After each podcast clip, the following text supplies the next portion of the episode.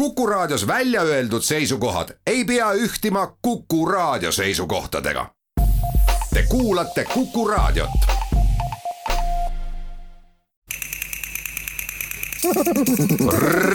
reisirada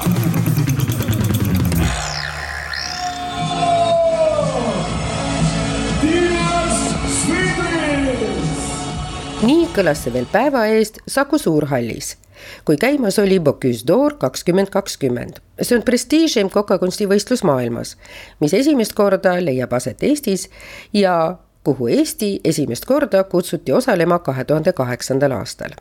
Nime on võistlus saanud Nouvelle Cuisine'i loojalt Paul Bocuse'ilt, kes ka oma viimasel minutil üheksakümne ühe aastaselt viibis oma restoranis Collonge au Mont d'Or Lyoni lähedal. Aga unustusse ei vaju see kokkade jumalana tuntud prantslane küll iial sest igaüks, kes mingilgi viisil on kokku puutunud kõrgema kokakunstiga, ei saa tema nimest mööda. kokkamisoskused pandi Paul Bocuse'ile kaasa juba hälli ja üheksa-aastaselt seisis ta koos isaga köögis. sealt edasi viis areng kahekümne restorani ja hotellikompleksini, viiekümne miljoni eurose käibega aastas ja seitsmesaja teenistujaga ja nii nagu tippkokkadele tavaks, Bocuse enam ise ei kokanud ja kommenteeris ta seda nii. ka Monsieur Ferrari ei valmistanud ju oma autosid ise. ise töötas aga selle kallal, et selline neljakümne miljonilise jälgijaskonnaga võistlus Eestisse tuua Dmitri Demjanov. nüüd, kus see on realiseerunud, toob üks Bocuse d'Ori peakorraldajatest, Toomas Hõbe, välja võistluse eriti positiivse külje Eesti jaoks ja ma näen, et ennekõike üks asi on, on selline kiire otsene kasu, mida riik saab. teine asi on selline pikaajaline kasu, mida saab äh, riik tervikuna, et noh, lühiajaline on see, et hetkel siis kogu äh, Euroopa ja maailma pilgud just nagu siis kulinaariasektoris ja, ja kulinaariafännide äh, hulgas on pöörata Eestile. eks juba see, et sellistes väga keerulistes oludes teha, korraldada Eestis ikka selline tippsündmus. et see on ka selline suur tunnustus üldse kogu Eesti valitsuse riigile. me suutsime töötada välja sellised lahed, lahendused, kuidas saavad kõik võistlejad ja meeskonnaliikmed ja külas tulla Eestisse niimoodi, et nende tervis äh, oleks ikkagi maksimaalselt kaitstud ja viia tänastes tingimustes üritus siin Eest läbi. ja ma usun, et täna kõik, kes vaatavad seda üle maailma läbi teleülekannete, need mõtlevad ka, et mis riik see Eesti selline on, et kus saab sellisel ajal teha sellisel maailmatasemel üritust. ja kui lõpuks ükskord need piirid vabanevad, siis äh, ma usun, neid, neid turiste, kes tänu sellele, et nad nägid, et Eestis selline suur sündmus toimus, kes hiljem tulevad, neid, neid on ikkagi sadu ja tuhandeid külalisi sai selleaastasel üritusel olla tunduvalt vähem kui kavandatud. ka korraldus tuli väga hoolikalt läbi mõelda. täna lähtume siis äh, publiku maksimaalsest äh, mahutavusest siseruumides, mis hetke reeglite kohaselt on seitsesada viiskümmend inimest ehk siis seitsmesaja viiekümne inimese hulka, kes saavad, saavad Saku Suurhalli tulla, on siis kõik võistlejad, kõik korraldusega seotud inimesed ja kõik kutsutud külalised, nii et, et see on see tänane piir, et sellest me üle ei, üle ei saa minna, ei ole ka läinud.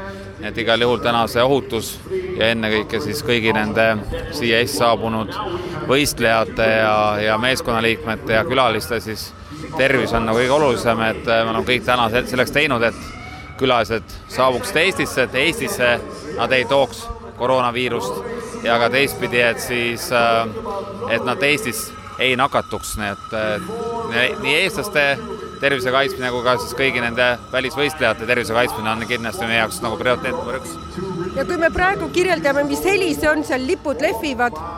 ja täpselt nii, et kui paljud kujutavad ette, et selline kokandusvõistlus on selline vaikne ja rahulik, et et kokad teevad süüa ja keegi proovib, siis ütleme, see Bocuse d'Ori puhul on, see ongi erinevus, et see on, on üles ehitatud nagu klassikaline spordivõistlus, nii nagu jalgpall, korvpall, mis iganes muu spordiala ja samamoodi on ka siis igal meeskonnal, riigil on oma fännid. täna küll kahjuks äh, seekord väga palju fänne ei ole saanud kaasa kaasa reisida, aga need fännid, kes on, need siis üritavad asendada kõiki teisi, kes jäid koju. Ja fännid on nagu klassikalised spordivõistluse fännid, neil on kaasas lipud, fännisallid, igast pasunad, plaksutid, eile meil oli siin saal konfette täis, nii et selline ikkagi tõsine spordivõistlus, millele elatakse ka häälekalt kaasa ja praegu, kes seal hüüdsid ja entusiastlikult jõudu soovisid, need olid norrakad. tundub nii, et norrakad, aga seal on ka itaallasi ja, ja venelasi, nii et äh, just täna see on kaheksa riiki kõik, kes võistlevad, et on näha, et äh, igal riigil on selline ikkagi oma fännid kaasas ja, ja elavad kaasa, noh eriti läheb siis kaasaelamiseks selle hetkel, kui siis äh, äh vastav riik äh, hakkab siis äh, oma valmis tehtud siis toite žüriile presenteerima, et noh, siis elatakse eriti häälekalt kaasa uhke selle üle, et Läti esimest korda võistlusest osa võtab, on ka kohale tulnud Läti suursaadik Raimond Jansons, kes lubab, et uurib välja ka retseptid, mille järgi tiim kokkas, sest žürii tundus maitsmisel väga rahulolev. I will definitely uh, find out what what are the recipes. I will. Uh, I, I saw that the um, uh, jury here was. Uh, was quite um, quite satisfy, satisfyingly smacking the uh, the Latvian food, and and uh, probably I will I will do the same ja saali hõisete saatel nimetab Raimond Jansons ära ka erilise marja, mis Läti roale lisatud on. In Latvian that's milkšķērkšķis um,. There is a special berry yellow one, uh, milkshake berry, which is which is added to the uh, to the food here. So uh, it's it's it's a specificity of Latvia. Basically, it grows up in our latitudes.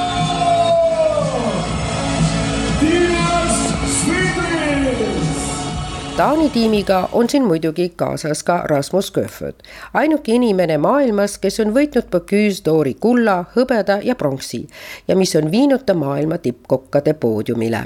Taanile omaselt on ta südamlikult lihtne ja mõtleb rohkem planeedile kui kuulsusele, toonitades, et soovib, et inimesed sööksid rohkem juurvilja Creative wise, I would love to inspire people to eat more uh, vegetables uh, and think about the planet a little more. Um, that's my goal. I mean, I don't think about if I'm the most uh, something. Rasmus kasvas üles maal ja ei teadnud midagi tärnidest ega tippkokkadest ja ei olnud ka raha, et külastada restorane. tema kokkamisoskus tuli puhtast armastusest, ütleb ta I grew up in uh, on the countryside. Uh, I did not know anything about uh, famous chefs or Michelin stars because we don't have money to go to a fine restaurant. So it came with pure love for the gastronomy. oma kokkade üle on ta väga uhke, sest peale igat Bocuse võistlust on nad end veel paremini tundma õppinud ja kokkamisoskust perfektsioneerinud. kaheksa tiimi töötavad vahepeal saalis rahulikuma muusika saatel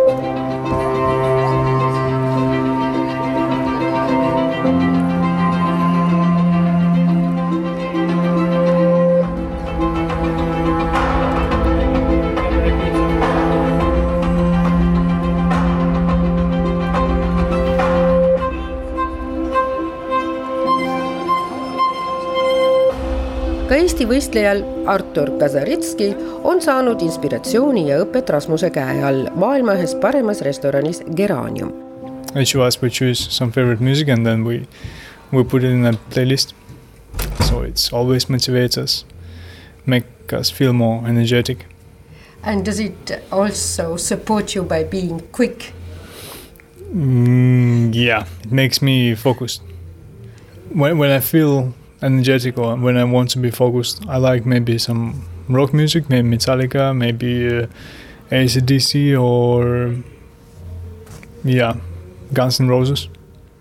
tooraineteks, mis välja valitud olid, oli Järveotsa vott ja Leoki angersäga. võtti saab kasutada palju rohkem kui ainult võtimune, ütleb kogu Eestile võtte kasvatav Järveotsa farmi juhataja Lembit Liivamägi ja angersäga saab edukalt ka värskelt valmistada, selgitab Eesti suurem angersäga kasvataja Avo Leok toorained, millele ka Eesti toiduhuviline ehk nüüd ka rohkem tähelepanu pöörab, arvasid mõlemad tootjad uh,. It's very interesting because for the one of the first materials we have is um, catfish. It's a very particular fish. It has very soft texture, very fatty texture, so it's not the easiest fish to cook. And uh, for the next one, we have quail, which is, yeah, it's uh, one of the classic Estonian poultries.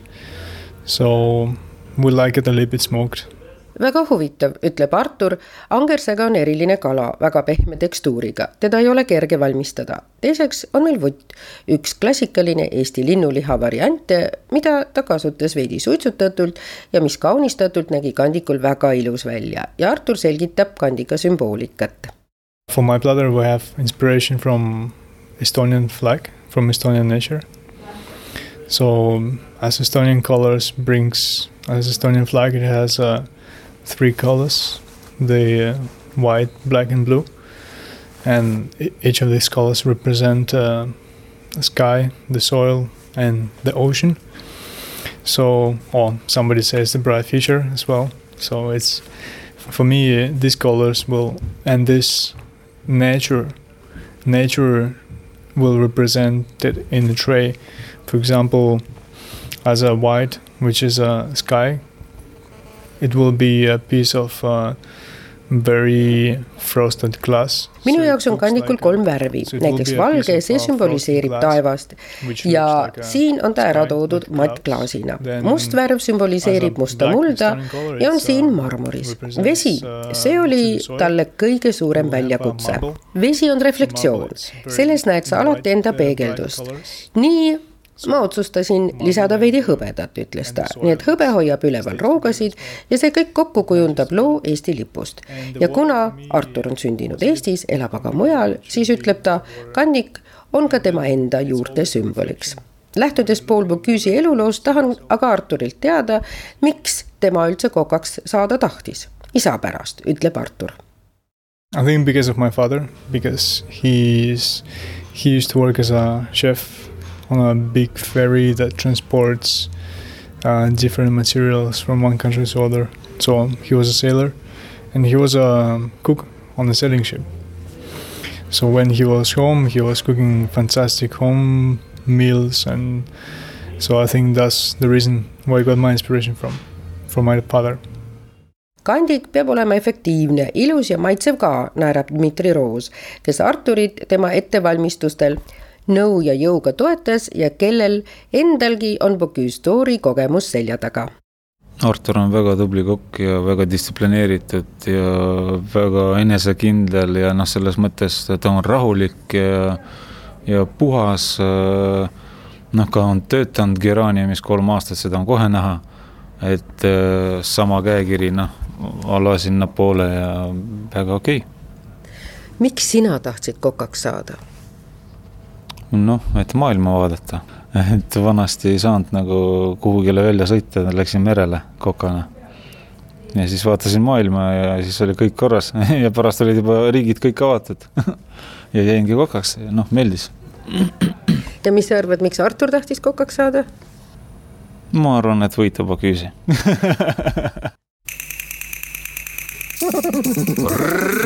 reisirada ja siis räägin ma ka Emmanuel Villega, kes on Olde Hansa peakokk ja on samuti õla alla pannud tehnilise külje pealt. kuus tooli eh, Euroopa finaal oi,. oi-oi, see on päris suur ülesanne. ma nagu peale tiima, kuidas ma ütlen seda, ma olen, pean natuke mõtlema, kuidas nimi seal on. Continental organisatsioon, komitee mänedžer. minu töö on kõik liikmed, kõik žürii liikmed organiseerida oma tööd see on iga, meil on kitchen manager, meil on kitchen jury, meil on backstage jury ja minu töö on kõik ülesanne jagamiseks ja kõik grupp kokku hoidma. see võistlus läheb ilusti. pluss äh, ma abistan kõik Euroopa tiimid, kuusteist erinevat, leia oma köök, oma toorained, ma saadan välja kõik tiimidele, mis on vutt, järv, järle järve otsa. järve otsa järv, järve otsa farm ja teine on kala, mis on äh, angrassega mis on nüüd äh, leok kasvatatud Võrusse. ja see on minu töö, aga noh, iga päev tegeleme kuskil kaks-kolm tundi, email saata, kõik tiim saab oma toorainet kätte ja probleeme lahendamiseks. pluss erisoov, mis tiim oleks vaja. Taani tiim küsib lämmastik, siis organiseerime lämmastik, Hispaania tiim küsib auto koos juhiga, siis organiseerime auto koos juhiga ja nii edasi pluss äh, organiseerin ka kolmas kumi, mis peab mul köögis olema, koostöö Tekoga. Diana on õpetaja, kes äh, ilusti organiseerib kolmas kumi, kümme tublivat tudengut. kas mingi asi on olnud, mis on väga keeruline olnud sul lahendada või veel ei ole? ei, ma olen üldse probleem, ei ole ainult lahendusid. no kõige suurem mure, mis meil oli, on natuke kaup või tooraine välja saata Gruusiale. see on nagu kolmes riigis mingi oma seadusid, oma mured, aga noh, see oli natuke keerulisemaks. aga ülejäänud ei ole probleem, ainult lahendused. meie vestluse ajal käib rütmilise muusika saatel Töö edasi köögis ja Emmanuel Ville hüüdnimega Sõprade jaoks Manu, mis on kirjas ka Olde Hansa koduleheküljel, selgitab, miks muusika nii oluline on ja ei, muidugi see on üks osa treeningut, no üks on see toidu valmistamine hea maitsega, teine on välimus, pluss see, see adrenaliin, see stress muidugi. kui sa teed treeningut rahulikult köögis ka, hääli ei ole ja järsku lähed võistlusse, kus on nii palju hääl ja muusika, see võib natuke segada, sellepärast treenitakse koos kõva muusika, seda adrenaliin ja see harjutamine. Aitab see ka kontsentratsiooni puhul?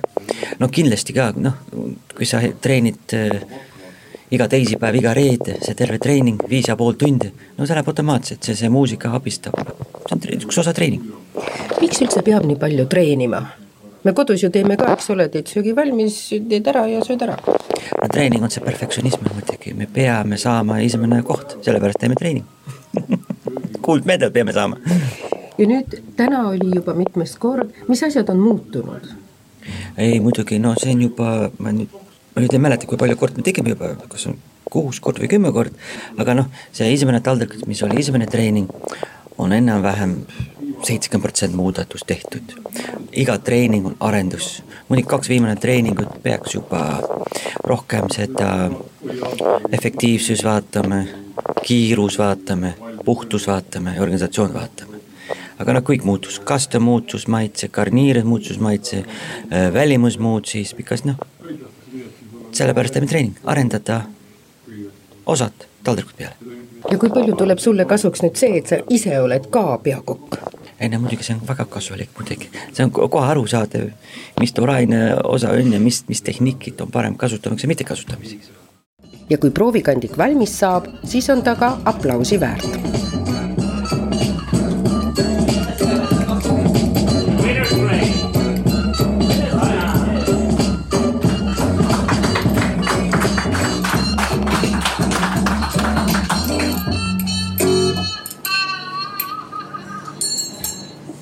toetama ja tööd hindama on tulnud ka eelmine kahe tuhande kaheksateistkümnenda aasta Bocuse d'Ori Eesti kandidaat Pavel Gurjanov kes samuti on varasemalt pälvinud mitmeid kokandusala tunnustusi ja valitud kahe tuhande kolmeteistkümnendal aastal Eesti aasta kokaks miks ma arvan, et Artur on väga tugev kandidaat, sest ta töötab seal Taanis, kolme Michelin tärni restoran ja äh, see toidukultuur on seal täitsa teistsugune.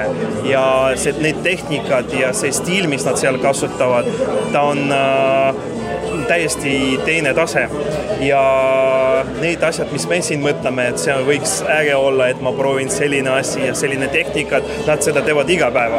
see on meie, see on nagu meie jaoks äh, kätt pesta ja sellepärast, kui ta töötab, tal on kõik puhas, sellepärast ta neid tehnikat kasutab nii tihti ja see mõtlemine isegi on teistsugune ja ma arvan, et see tase, mis ta näitab, on väga tugev. mis mulle väga meeldis, et ma olin jälginud äh, koos nendega kõik, kõik neid treeningud, sest äh, vahest ta küsis minu poolt, kuidas ma saan seda asi, sest ta ei tea, kus seda Eestis äh, leiatakse, no näiteks mingi duo või kus seda saab tellida. mina alati oli siin ja mis ma nägin, kõige huvitavam, et oli mõned asjad mitte vead, aga mis võiks parandada ja iga kord ta seda parandas. ja see on kõige keeruline, et iga päev sa tõustad ja lähed uuesti ja teed kõik ümber. ja ta on väga tubli, minu jaoks see on päris hea töö, loodame, et kõik läheb hästi.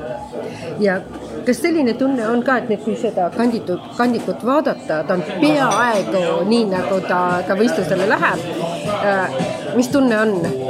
Äh, ma arvan küll, ma arvan küll, et a, a, tihti räägitakse niimoodi, et äh, neid treeninguid ongi vaja, et teha maksimum, mis sa saad. Et kindlasti võistluse ajal midagi läheb valesti, see on alati. ja kui, kui võistluse ajal tuleb sama, samamoodi hästi, ma arvan, et siis kõik, et äh, siis tulemus ka tuleb hea ja Pavel Gurjanov võrdleb ka sellega, mida tema tegi ja mis on tänaseks muutunud. Eks äh, mul oli selline viga, et ma proovisin kõik asjad ise teha. Ja mu abiline ja mina mõtlesin. Ja see meie Baküs tiim ainult äh, üks kord nädalas käis ja vaatas, äh, millised muutused on. ta tegi väga õigesti, et tal on tiimis viis-kuus inimesed, et tal on treener välismaalane, abiline on välismaalane ja neid noored kookad, kes abistavad, vähemalt ta ei kaotanud seda energia ja ettevalmistust teha. Nad on kogu aeg siin, nad kõik seda teevad tööd koos ja et ta, tal on aega mõelda. et see on väga hea tööd, et mis ta väga õigesti ja teist, teistmoodi te, tegi, nagu kõik teised tegi. sest nagu, kes Eestis oli käinud, nad alati oma jõuduga seda tegi välismaalt, nagu ütles Pavel, oli ka noor kahekümne viie aastane coach, kes ütles, et tema jaoks oli see lihtsalt rõõm töötada nii hea tiimiga tahtiski ta coach'iks saada, uurin ja ta naerab. ei iial oma elus. ühel päeval, kui langes otsus, et tiim tahab Bocuse-il osaleda, siis ta sattuski siia. When you were a small boy, did you want to become a coach no, I never, I never thought of that before in my life. So, how did you become a coach? Uh, I think we, me and Arthur worked together at Geranium, obviously, and we got to know each other. And then one day he decided to compete for uh, Estonia, and then he asked for advice in the beginning, and then it developed into something more, and now I'm here. But where are you training then? Where I'm training, together with him in the kitchen here in Tallinn. reisirada enne teise päeva võistluse lõppemist ja võitja väljakuulutamist korraks veel tagasi Saku Suurhalli. räägin Islandi kandidaadi Sigiga, kes tunnistab, et on õnnelik ja väga põnevil. Yeah, I am very, I am very happy, very excited to see the results. So let's, let's hope it's gonna be a good night tonight. me tegime kiiremini ja perfektsemalt. Ma ei proovinud aga nägi väga maitsev välja ja ma loodan, et saame esimese viie hulka ja nii ka läks. Sigurdur Lahtali tiim pälvis neljanda koha ja ta oli vaimustuses ka toorainest. kalast kuulis ta küll esimest korda ja see oli väljakutse, aga kui ta kuulis, et teiseks on vutt, siis ta mõtles super They did a really good job yesterday. They did exactly what we trained, and they did it faster than we trained it, and more perfect. It, I think it looked. Like, obviously, I didn't taste it yesterday, but it looked very tasty and nice. I think we can place in the top five. We hope for that. Estonian playland with its liver, foamy.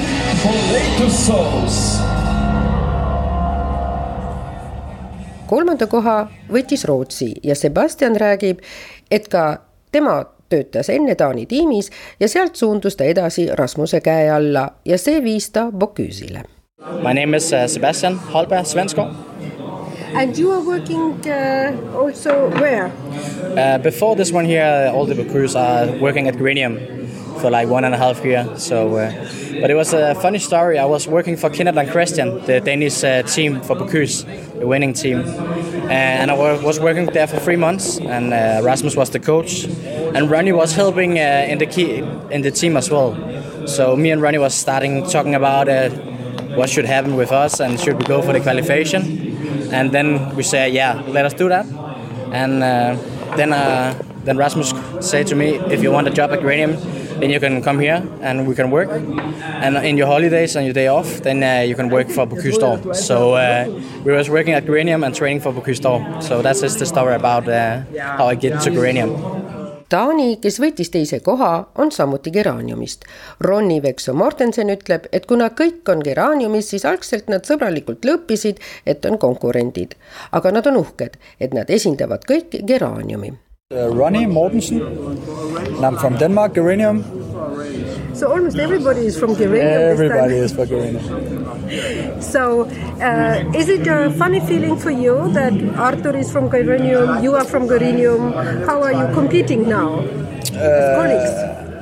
I mean, uh, be- before the competition, it was not really a competition. Of course, we're making fun with each other, but it's more like the friendship way. Um, but of course we are proud to represent Geranium in, in this amount as we do.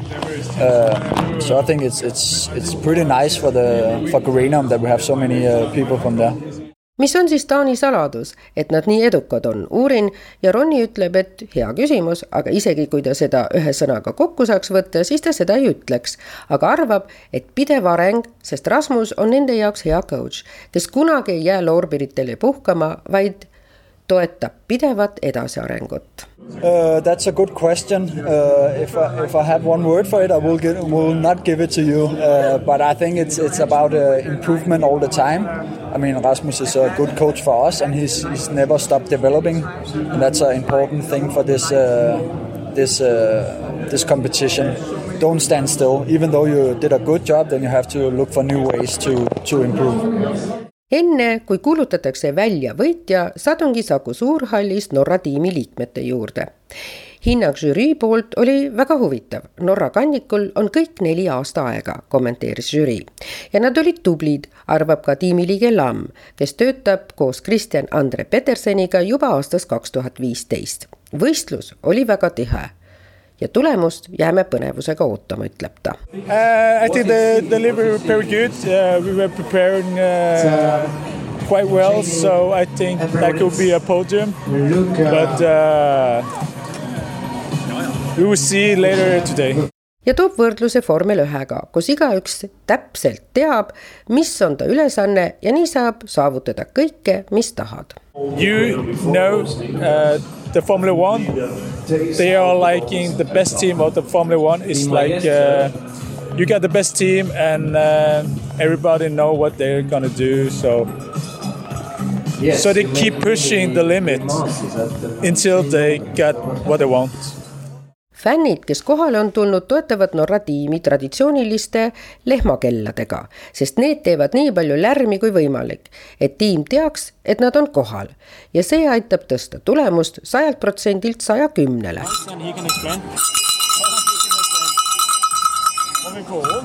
Uh, so these are the bells, the cowbells. It's really traditional Norwegian. And this is to make as much noise as over uh, yeah, as possible, so that we know that Norwegians are here to watch the Bocuse d'Or Europe. Does it help? Yes, of course. How much? So much? Like uh, uh, it's going from 100% to 110. Thank you.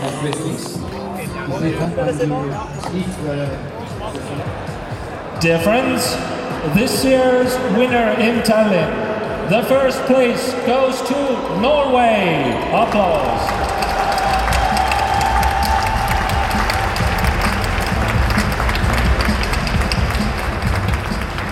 Dmitri Demjanov, pikaajaline Eesti Bocuse d'Ori president, tänas Paul Bocuse'i, kes kolmkümmend aastat tagasi võistluse lõi. minu jaoks võitis täna maailma gastronoomia, ütles ta. et tunne on väga hea, tunne on väga-väga-väga hea, et, et äh, Bocuse d'Or Eestis ja, ja tagasiside on, tundub, et on positiivne, väga positiivne minister on väga oluliselt äh, kuidagi heas äh, Eesti toidu suhtes äh, olukorras, nii et arvan, et saab asja ikka vist. et, et jälle läheb natukene kõrgemale, et, et see tagasiside, mis on tulnud ja publicity meedia on, ma usun, et see teeb oma töö, et kuusteist riiki praegu on kõik trükivad neid uudiseid ja nii edasi, et, et ma usun, et me oleme kaardil ja tegin seda, mida ma pidin tegema, ega see elu ongi nii, et, et kui sa tunned, et sa pead seda tegema, et tegidki, et ma ei, see ei ole mingi kangelastegu. ma lihtsalt, lihtsalt teadsin, et seda võib teha. ja keegi teine ei teadnud ja muud midagi Bocuse d'Ori on nimetatud lausa toidumaailma olümpiamängudeks, kuhu tulevad oma ala suurimad nimed ning meisterlikkuse, loovuse ning maitsete kombinatsioon viib kümme parimat järgmise aasta alguses Prantsusmaal toimuvale finaalvõistlusele. vaatame ka korraks veel tagasi Paul Bocuse'i elule.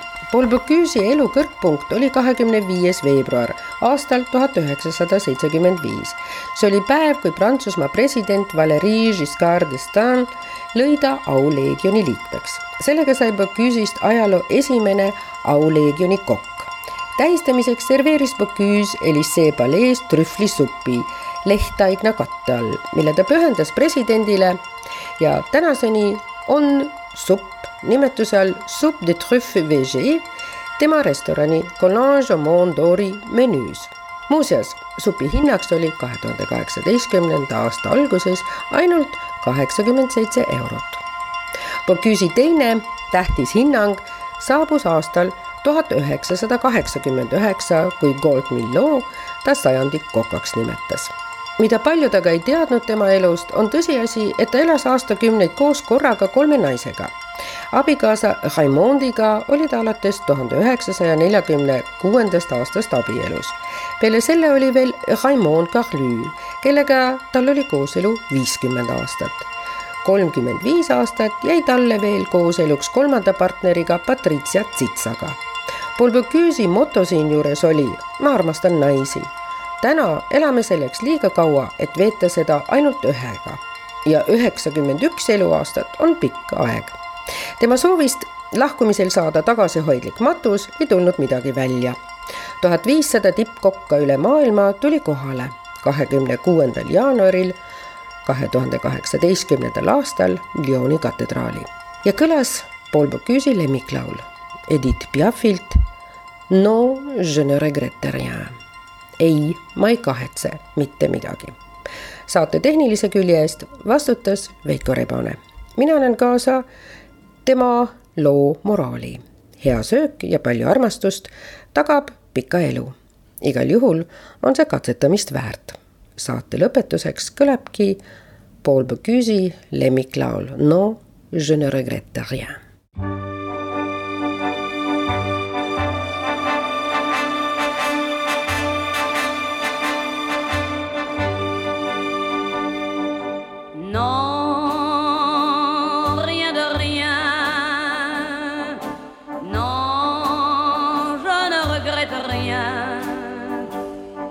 la bien